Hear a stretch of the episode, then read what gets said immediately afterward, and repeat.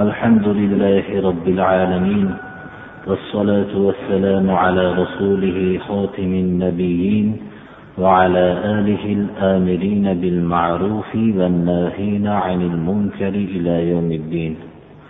أما بعد السلام عليكم ورحمة الله. Bugungi kun ramazoni sharifning juma kunlari. Alloh subhanahu va taolo tutayotgan ro'zalarimizni qabul qilsin gunohlarimizni mag'firat qilsin. Alloh subhanahu va taolo shu ramazon kechasidagi o'qiyotgan ibodatlarimizni qabul qilsin. Bugungi juma kunidagi subh vaqti ya'ni saharlikning oxirgi vaqti beshdan sakkiz daqiqa o'tgunga qadar. Iftorlik vaqti yettidan qirq daqiqa o'tgunga qadar. Yettidan qirq daqiqa o'tganda iftor vaqtining avvalgi vaqti bo'ladi. Ba'zi birodarlarimiz tarafidan qadr kechasining qaysi kun bo'lishligini savol qildilar. Laylatul qadr kechasi mana hadis shariflarda kim laylatul qadr kuni iymon bilan va alloh subhanahu va taolodan ajrini umid qilib bedor bo'lsa o'tgan gunohlari kafforat qilinadi deyilgan qur'oni karim iborasi bilan tabiri bilan laylatul qadri xayrun min alfi shahr laylatul qadr ming oydan yaxshiroqdir laylatul qadrning ming oydan yaxshi deyishlik balki ming oydan ham ko'proq kunlardan ham yaxshiroq. Lekin bu ta'bir arab istilohida ming bir narsani ko'p narsa ekanligini bildirilmoqchi bo'lsa bu mingtadan ham yaxshiroq deb ta'bir qilinadi. Alloh subhanahu va taolo bu kunning bu kechaning yaxshiligini o'zi biladi. laylatul qadr biz ramazoni sharifni avvalini shanba kundan mana niyat qilgan bo'ldik. Shu kunda bo'lganda payshanba kuni qadr kechasi bo'ladi. Ba'zi taraflardan har xil bir so'zlar eshitilib shunday bo'ldi. Bu mabodo hayit kuni bir kunga ta'xir bo'ladigan bo'lsa biz ham musulmonlar o'rtasida fitna chiqmasligi uchun shuni faxr qilishligimiz mumkin. Lekin agar shu hozirgi taqvim bo'yicha hisob bo'yicha to'g'ri bo'ladigan bo'lsa qadr kechasi payshanba kuni bo'ladi. Rasululloh sollallohu alayhi vasallam aytdilarki oxirgi o'n kunda qadr kechasini istanglar dedilar shunga binoan biz avvalgi juma kunida e'lon qilolmagan edik. Ko'pchiliklarning shunga bir qiyinchilik vujudga kelib qolmasin deb oxirgi o'n kunlikda qur'oni karimni bir yana bir bor hatmi qilinishlik ba'zi birodarlarimiz tarafidan talab qilingan edi. Lekin shu o'n kunlikda og'irroq bo'lib ketmasligi uchun avvalroq boshlagan bo'ldik. Ikki poradan qur'oni karim tilovat qilinyapti. Bugun kechagi kunda o'n bir porasi tilovat qilindi. Olti kundan beri. Inshaalloh niyatimiz qadr kechasi kuni tugatish yoyinki bo'lmasam oxirgi taroveh kunida tamomlashlikdir.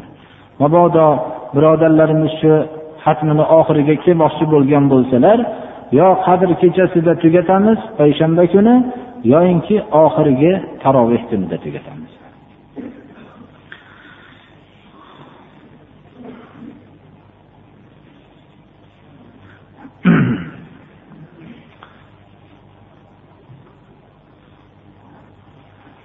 Bismillahi rohmanir rohim juma kunidagi qur'oni karimdan davom etayotgan darsimiz surai oli imrondan. Alloh subhanahu va taolo musulmonlarni ahli kitoblar xususan yahudlarning makrlaridan ogohlantirib yahudlar ularning dindan chiqarishlikni va ularning ittifoqliklarini buzishlikni maqsad qilishliklarini bilan ogohlantirilganligini bayon qilgan o'rinlarni o'rgangan edik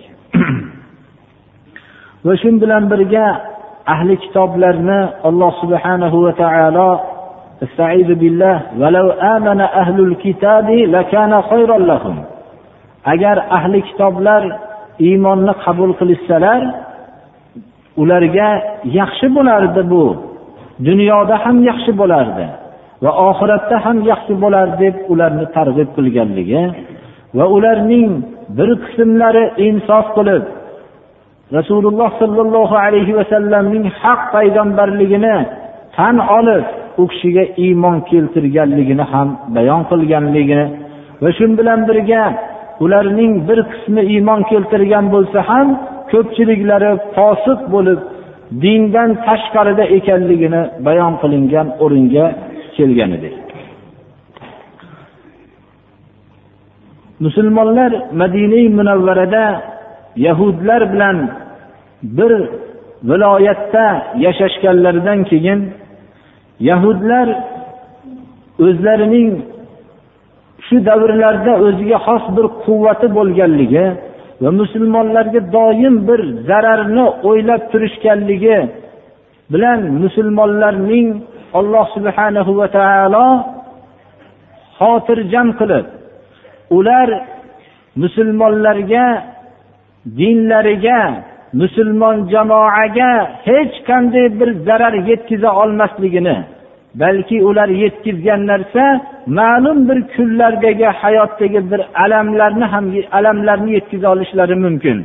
Lekin musulmon jamoaning vujudiga aqidaga islomning oldi tarafiga qarab qilayotgan harakatiga zarar yetkaza olmasligini alloh subhanahu va taolo bayon qiladi.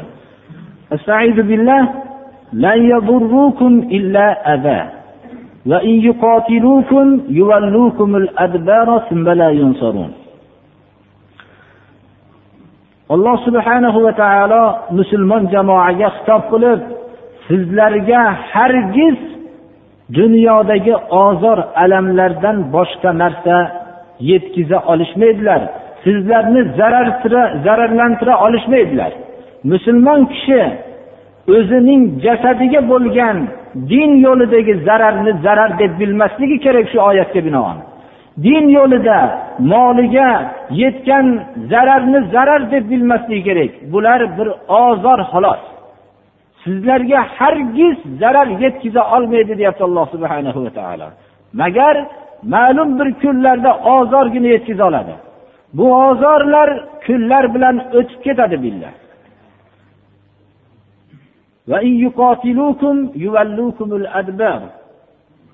Da'vatning asliga hargiz zarar yetkaza olmaydi. Dinning dushmanlari insonlarning jasadiga moliga zarar yetkazishligi mumkin. Bu ozor lekin aqida da'vatning asliga hargiz zarar yetkaza olishmaydilar. Modomiki musulmonlar o'zlarining islomlarini mahkam ushlab turishar ekan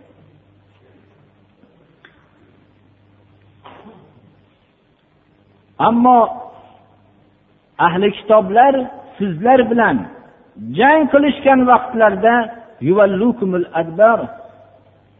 orqalarini sizlarga burib chekinishadilar.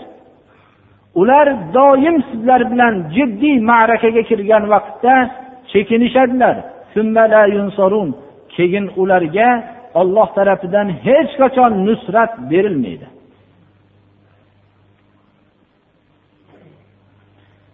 ضربت عليهم الذلة والمسكنة ضربت عليهم الذلة أينما ثقفوا إلا بحبل من الله وحبل من الناس وباءوا بغضب من الله وضربت عليهم المسكنة yahudlarga xorlik xuddi chodir insonni ustini qoplab olgandek uy hamma tarafidan ihota qilgandek xorlik ularning ustiga chodir qilib tikib qo'yilgan qayerda vujud qayerda bor bo'lishsa ular. Alloh subhanahu va taolo islom bilan islom payg'ambari payg'ambarimiz muhammad alayhissalomga qarshi chiqqanligiga alloh subhanahu va taolo tarafidan xorlik ularga chodir qilib tikib qo'yildi. Qayerda vujudga kelishsalar qayerda bor bo'lishsalar magar yahudlar qayerda xotirjamlikni topishdi? Qayerda tinchlikni topishdi? Olloh tarafidan bo'lgan ahd va musulmonlar zimmasiga kirgan musulmonlar himoyasida yashashgandagina xotirjamlikni topishdi. Alloh subhanahu va taolo mana bu oyatda ularning xorlikka giriftor bo'lmagan soatlari olloh tarafidan bo'lgan ahdga kirishganda musulmonlarning zimmalariga kirgan vaqtdagina bo'ldi. Yahudlar hech qaysi viloyatda xotirjam yashashgani yo'q.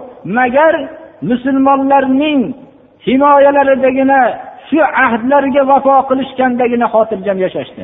Ammo shunday bo'lishsalar ham musulmonlarga qarshi bo'lgandaqa hech qaysi viloyatda qarshi bo'lgani yo'q.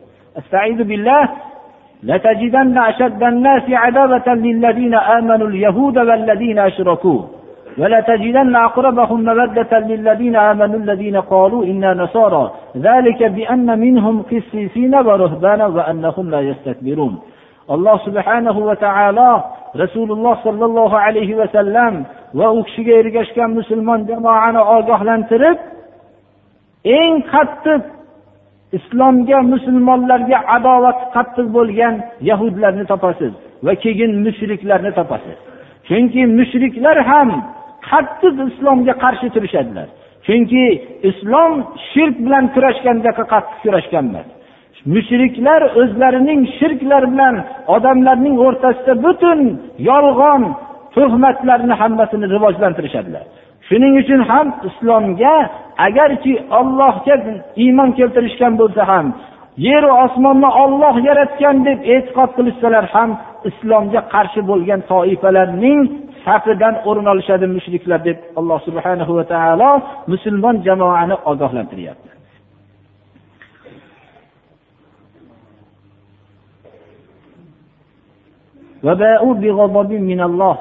Ularning islomga qarshi bo'lishi yahudlarning qarshi bo'lishligining natijasi olloh tarafidan bo'lgan g'azab bilan qaytishdi. Ollohning g'azabiga giriftor bo'lishdi. Shun bilan qaytishdi. Ularga bechoralik miskinlik hammasi ularga chodir qilib tikib qo'yildi go'yoki. Buning sababi nima edi? Bu nima uchun butun bani isroil bo'lib butun yer yuziga hokim bo'lib butun payg'ambarzoda bo'lib kelgan bani isroil shunday xorlikka giriftor bo'ldi.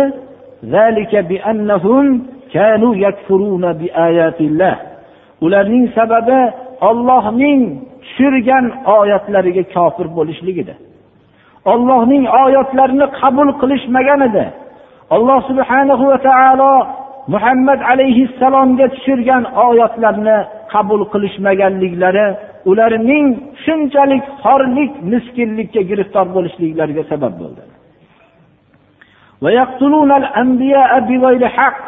payg'ambarlarni nohaq o'ldirganliklari ularning xorlanishligiga dunyoda xor bo'lib ketishliklariga sabab bo'ldi.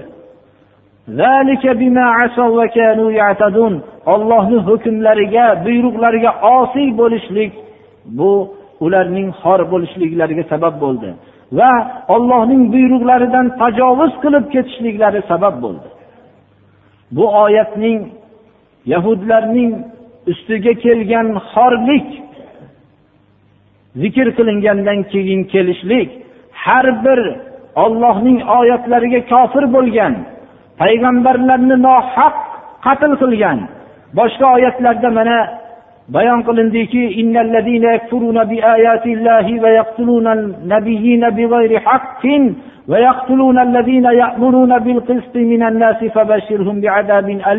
payg'ambarlarni nohaq qatl qilganlarning safida haq yo'lga buyurgan kishilarni qatl qilganlarni alamlantiruvchi azob bilan ularning xabardor qiling degan oyat keldi. Qaysi bir millat haq yo'lga buyurgan kishilarning qatl qilar ekan shularga qarshi chiqib ularning qatliga hukm qilib shularni qilar ekan bu millatning ustidan xorlik ajramaydi va ollohning hukmlariga osiy bo'lishlik sababli bani isroil o'zining butun payg'ambarzoda bo'lib butun dunyoni hukmronligidan mahrum bo'ldi. Ollohning hukmlariga tajovuz qilishliklari ularning millatlarning rahbariyati bo'lishlikdan mahrum qildi. Bu oyat islom jamoasini ogohlantirish edi islom jamoasini alloh subhanahu va taolo ollohning hukmlariga kofir bo'lishlikdan ehtiyot bo'lishlikni va ollohning yo'liga buyurgan kishilarni qatl qilishlikdan ehtiyot bo'lishlikni ollohning hukmlaridagi osiy bo'lishlikdan ogohlantirgan edi va ollohning hukmlariga tajovuz qilib o'zlaricha yangi yo'llar topishlikdan ogohlantirgan edi. Bu yerda musulmonlar savol qilishlari mumkinki nima uchun biz musulmon bo'lib turib yer yuzida g'olib bo'lmaymiz deb? Shu so'zning aytishligidan ilgari musulmonlar o'zlariga bir savol qilsinlarki islom o'zi asli nima degan savolni o'zlariga qilmoqlilari kerak. Va keyin musulmonlar haqiqiy musulmonlar kimlar bo'lishligini keyin shu haqiqiy islomni tushungandan keyin taqqoslasinlarda keyin o'zlarining hayotlarini haqiqiy musulmonlarning hayotiga bir taqqos qilishsalar masala hal bo'ladi. Masala musulmonlar ollohning hukmlariga osiy bo'lganligi o'z öz o'zidan ma'lum bo'lib qoladi. Ana o'zlarining millatlarini ichida haq yo'lga buyurayotgan kishilarga qarshi chiqayotganligi bu narsa ularning ustidan xorlikdan boshqa narsa olib kelmasligi ma'lum bo'ladi.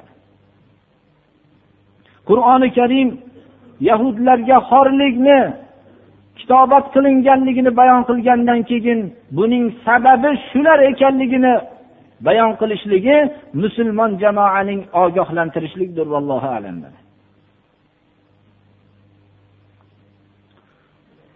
qur'oni karim ahli kitoblar islomga qanchalik qarshi bo'lishsalar ham ularning ichidagi ozchilik islom haqiqatini bilib iymonni qabul qilgan kishilarga insof qilishlikni biror o'rinda zikr qilmasdan qo'ymagan albatta zikr qilgan. Yuqoridagi oyatlarda ham bu narsani eslatib o'tdik.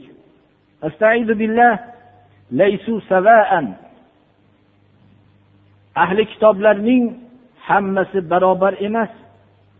Ularning hammasi bir xil emas. Ularning ichida haqiqiy mo'minlari bor. Alloh subhanahu va taolo bu haqiqiy mo'minlarini sifatlarini zikr qilib من أهل الكتاب أمة قائمة يتلون آيات الله آناء الليل وهم يسجدون. يؤمنون بالله واليوم الآخر ويأمرون بالمعروف وينهون عن المنكر ويسارعون في الخيرات وأولئك من الصالحين. وما يفعلون من خير فلا يكفروه والله عليم بالمتقين. qur'oni karim bu yerda ahli kitoblarning ozchiliklarining suratini bayon qilib ularning haqiqiy mo'minliklarini bayon qilib ularning belgilarini ham bayon qilyapti. Ahli kitoblarning hammasi barobar emas hammalari bir xil emas. Ahli kitoblarning ichida shunday ummat borki ular ollohning hukmida qoyim bo'lib turishadi. Ollohning hukmini doim bajarishlikda qoyim bo'lib turishadi. Bular qoim kalimasi islom dinini qo'riqlashlikda doim tik turishadilar. Ular islom dinini himoyachilari ular. Alloh subhanahu va taolo mana bu ozchilik haqiqiy mo'minlarni buni zikr qilmasdan qo'ymayapti. Alloh subhanahu va taolo hech bir haqiqatni esdan chiqarib qo'ymaydi. Har bir haqiqatni agarchi bir jamoaning ichida ko'pchilik shu bir haq yo'lga qarshi bo'lsa ham uning ichidagi ozchilik haq yo'lning tarafdori bo'lib shunga yordam bersa u jamoani zikr qilmasdan qo'ymayapti. Ahli kitoblarning ko'pchiliklari islom bilan qarshi bo'lib turishsalar ham ularning ichidagi abdulloh ibn salom va ularga tobe bo'lgan kishilarning hammasini haq yo'lda ekanligini bayon qilyapti. Ahli kitoblarning ichida bir toifa borki ular dinni qo'riqlashlikda doim tik turib xizmat qilishadi. Ahli kitoblarning ko'plari ollohning oyatlariga kofir bo'lsa bularki ollohning oyatlarini kechqurungi soatlarida tahajjudda turib ollohga sajda qilgan holatda tilovat qilishadi. Boshqa o'rinlarda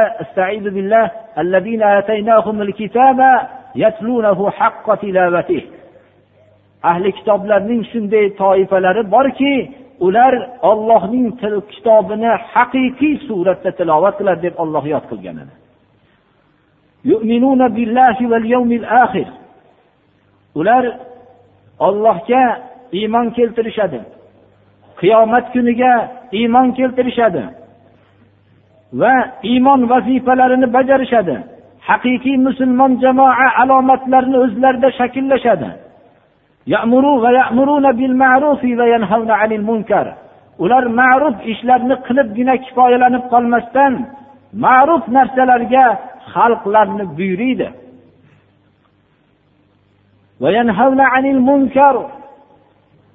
Munkar narsalardan o'zlarini chetkagina olib qo'ymasdan balki munkar narsalardan qaytarishadi. yaxshi ishlarda ular shoshilib musobaqa qilishadilar.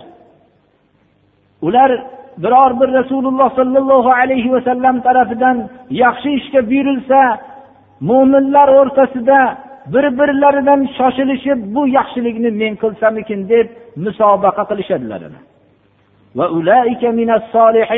alloh subhanahu va taolo tarafidan ularning solihlar jumlasidan ekanligiga shahodat berilyapti. Bu shahodat nihoyatda katta bir shahodat. Bir kishi agar solihroq ulamoroq kishi ikkinchi bir odamni bu kishi meni gumonimda solih odamlar jumlasidan desa xalqlar unga juda ham yaxshi gumonda bo'lib qolishadilar. Alloh subhanahu va taolo bularni solihlar jumlasidan deb shahodat beryapti. Abdulloh ibn abbos umar ibn hattobning namozda turganlarida havorijlardan u kishiga hanjar urib jarohatlagan vaqtda umar ibn hattob shunda tabiblar ko'rishdilarki u kishida sut ichirib ko'rishsalar sut ichaklaridan bu yoqqa oqib ketdi. Bilishdilarki bu kishiga endi davoning manfaati foydasi yo'q ekanligini. Shunda amirul mo'minin umar ibn hattobdan bir vasiyat qilishlikni talab qildilar. Vasiyat qildilar zaruriy bo'lgan ba'zi narsalarni aytdilar. Bu narsa uning hozir o'rni emas abdulloh ibn abbos umar ibn hattobga aytdilarki ey umar ibn hattob sizga muboraklik bo'lsin. Islomda avvalda islomni qabul qildingiz. Rasululloh sollallohu alayhi vasallam bilan birga hamma o'rinlarda hozir bo'ldingiz. Rasululloh sollallohu alayhi vasallamga butun bor vujudingiz bilan molingiz bilan kuchingiz bilan yordam berdingiz. Va abu bakr roziyallohu anhu xalifa qilindi. U kishidan keyin olloh sizga xilofat martabasini berdi. Bu xilofatda siz adolat qildingiz. Haqni o'rniga qo'ydingiz. Xalqlarni to'g'ri yo'lga yo'lladingiz. Mana endi umringizni oxirida alloh subhanahu va taolo sizga shahodatni nasib qilyapti dedilar. Shunda umar ibn hattob aytdilarki bu guvohlik umar ibn hattobga abdulloh ibn abbosdek katta kishi tarafidan guvohlik edi. Ey abdulloh ibn abbos shu so'zingni ollohni huzurida ham shu shahodatni guvohlikni berasanmi dedilar. Agar ollohni huzurida ham shu guvohlikni aytolmasang hozir ayt dedilar. Ana bir kishining haqqiga guvohlik berishlik qanchalik qiyinligini shunda anglasak bo'ladi. Alloh subhanahu va taolo ahli kitoblarning ichidan shunday solihlarni o'zi bular solih kishilar jumlasidan degan shahodat guvohlik bu guvohlikdan katta guvohlik yo'q birodarlar.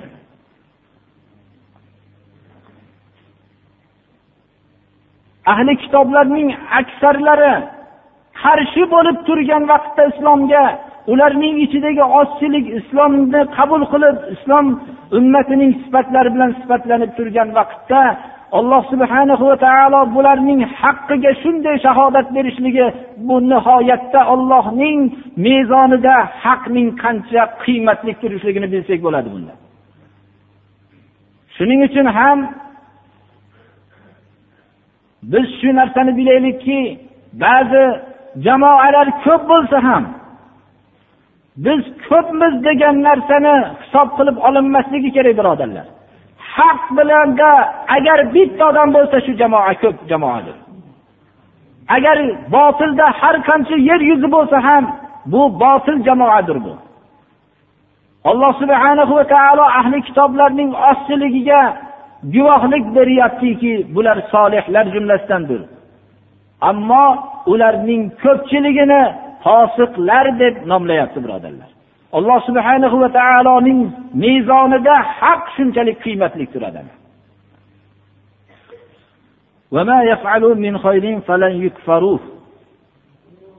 Oz jamoa bo'lgan vaqtda qilingan yaxshiliklar xalqlar o'rtasida ko'rinmaydi birodarlar. Agar ko'pchilik jamoa bo'lgan vaqtda xalqlar o'rtasida qilingan yaxshiliklar o'rtada zikr qilinadi ammo ozchilik jamoa bo'lgan kishilarning qilgan yaxshiliklari o'rtalarida ko'p zikr qilinib xalqlar o'rtasida shoyi bo'lmaydi. Alloh subhana va taolo mana bu ahli kitoblarning oz jamoasini qilgan yaxshiliklarini hargiz bular zoyi qilinmayajak ekanligini bayon qilib ular qilgan ozgina yaxshilik bo'lsa ham ular hammasi bilinmay qolmaydi. Ularga albatta ularni inkor qilinmaydi. Albatta ular saqlanib qoladi allohni huzurida. Vallohu alimun bil muttaqin. Xudodan qo'rqib amal qilgan kishilarni olloh bilib turuvchidir.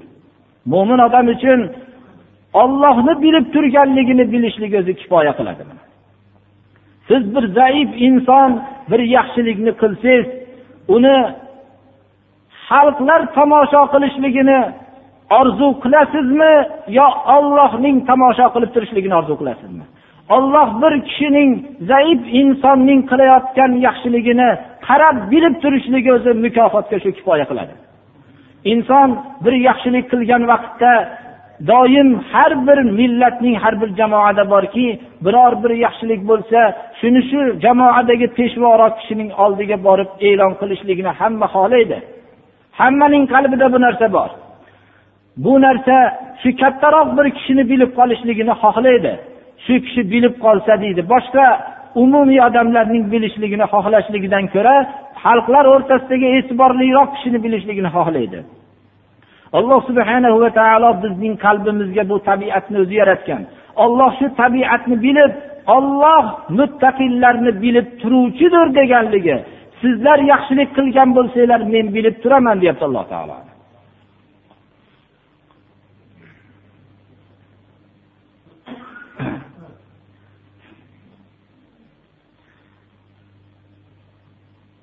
Odatda dinsizlar mushriklarning sifatlari biror bir jamoa bilan ikkinchi bir jamoa o'rtasida kelishmovchilik bo'lsa ular suyanadigan narsalar o'zlarining farzandlari moli davlatlari bo'ladi. Lekin alloh subhanahu va taolo bularga mollari farzandlari mutlaqo manfaat qilmasligini bayon qilyapti. Ularga dunyoda sarf qilgan narsalari mutlaqo foyda bermaydi iymon asosiga bog'lanmasa oxiratda ham hech qanday bir yaxshilikni olib kelmaydi استعيذ بالله إن الذين كفروا لن تغني عنهم أموالهم ولا أولادهم من الله شيئا وأولئك أصحاب النار هم فيها خالدون kofirlar ularga mollariyu farzandlari ollohdan biror narsani olloh tarafidan bir manfaat olib kelishlikka qodir emas. Mollari qodir emas farzandlari qodir emas. Kishilar doim shunga suyanishadi. Xususan kofirlar bunga mutlaqo suyanishadilar. Ularning suyanchiqlari moli davlat hatto moli dunyo ularning dunyoda abadiy qilib yashatadi deb davo qilishadi agar insonning qalbiga moli davlat tug'yon qilsa iymon sifati mustahkam bo'lmasa kishilarning qalbiga shu kofirlarning sifati kirib boradi birodarlar hozirda moddiy falsafaning soyasida yashagan ko'p kishilarning qalbida moli davlati bo'lgan kishilar doim faxrlanishadilarki bu narsa bilan biz har bir odamlarning mag'lubiyatga uchratamiz deyishadi. Islom moli davlatni yomon narsa deb sanamaydi. Moli davlatni qur'oni karimda xayr yaxshi kalimasi bilan keladi. Lekin u iymon sifatini egasida bo'lsa yaxshi narsa bo'ladi. Bo'lmasam moli davlat iymon sifati bo'lmagan kishining qo'lida bir dahshatli bir narsaga aylanadi. Hozirgi zamonda buni ko'rib turibmiz hammamiz mana misolini. Iymon sifati bo'lmaganligi uchun moli davlatlarning ko'p bo'lishligi hech qanday insoniyatga foyda keltirmadi. Bu dunyoda ham foyda keltirmaydi. Oxiratda foyda keltirmasligi muqarrardir. Bular haqiqiy do'zax ahllari do'zaxda abadiy qolishadilar.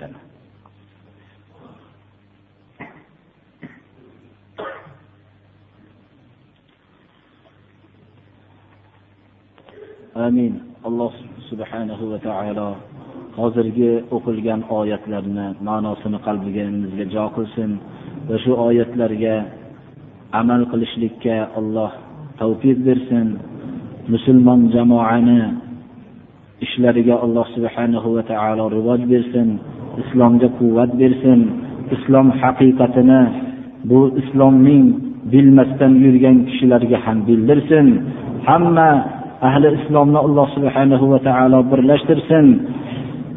اهدنا الصراط المستقيم صراط الذين أنعمت عليهم غير المغضوب عليهم ولا الضالين bu yerda bir masjid qurilayotgan joyda so'rashibdilar bu yerda bitta qur'onni qabristonga ko'mib masjid qurish kerak degan gap bu tagi bo'sh gap bizga alloh taolo qur'onni qabristonga ko'mib tashlashligimiz uchun tushirgan emas birodarlar uni o'qib kim shunaqa qiladigan bo'lsa beuzr qattiq gunohkor bo'ladi.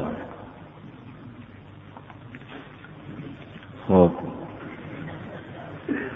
yerda bir masala so'ralibdi. Har tahorat olinganda ikki rakat namoz o'qish kerak degan gapni eshitamiz. Va shu bilan birga subuhdan subuh vaqtidan kun chiqquncha nafl namoz o'qishlik mumkin emas deb eshitamiz. Shu gaplarni haqiqatda hujjatlimi deb so'ralibdi.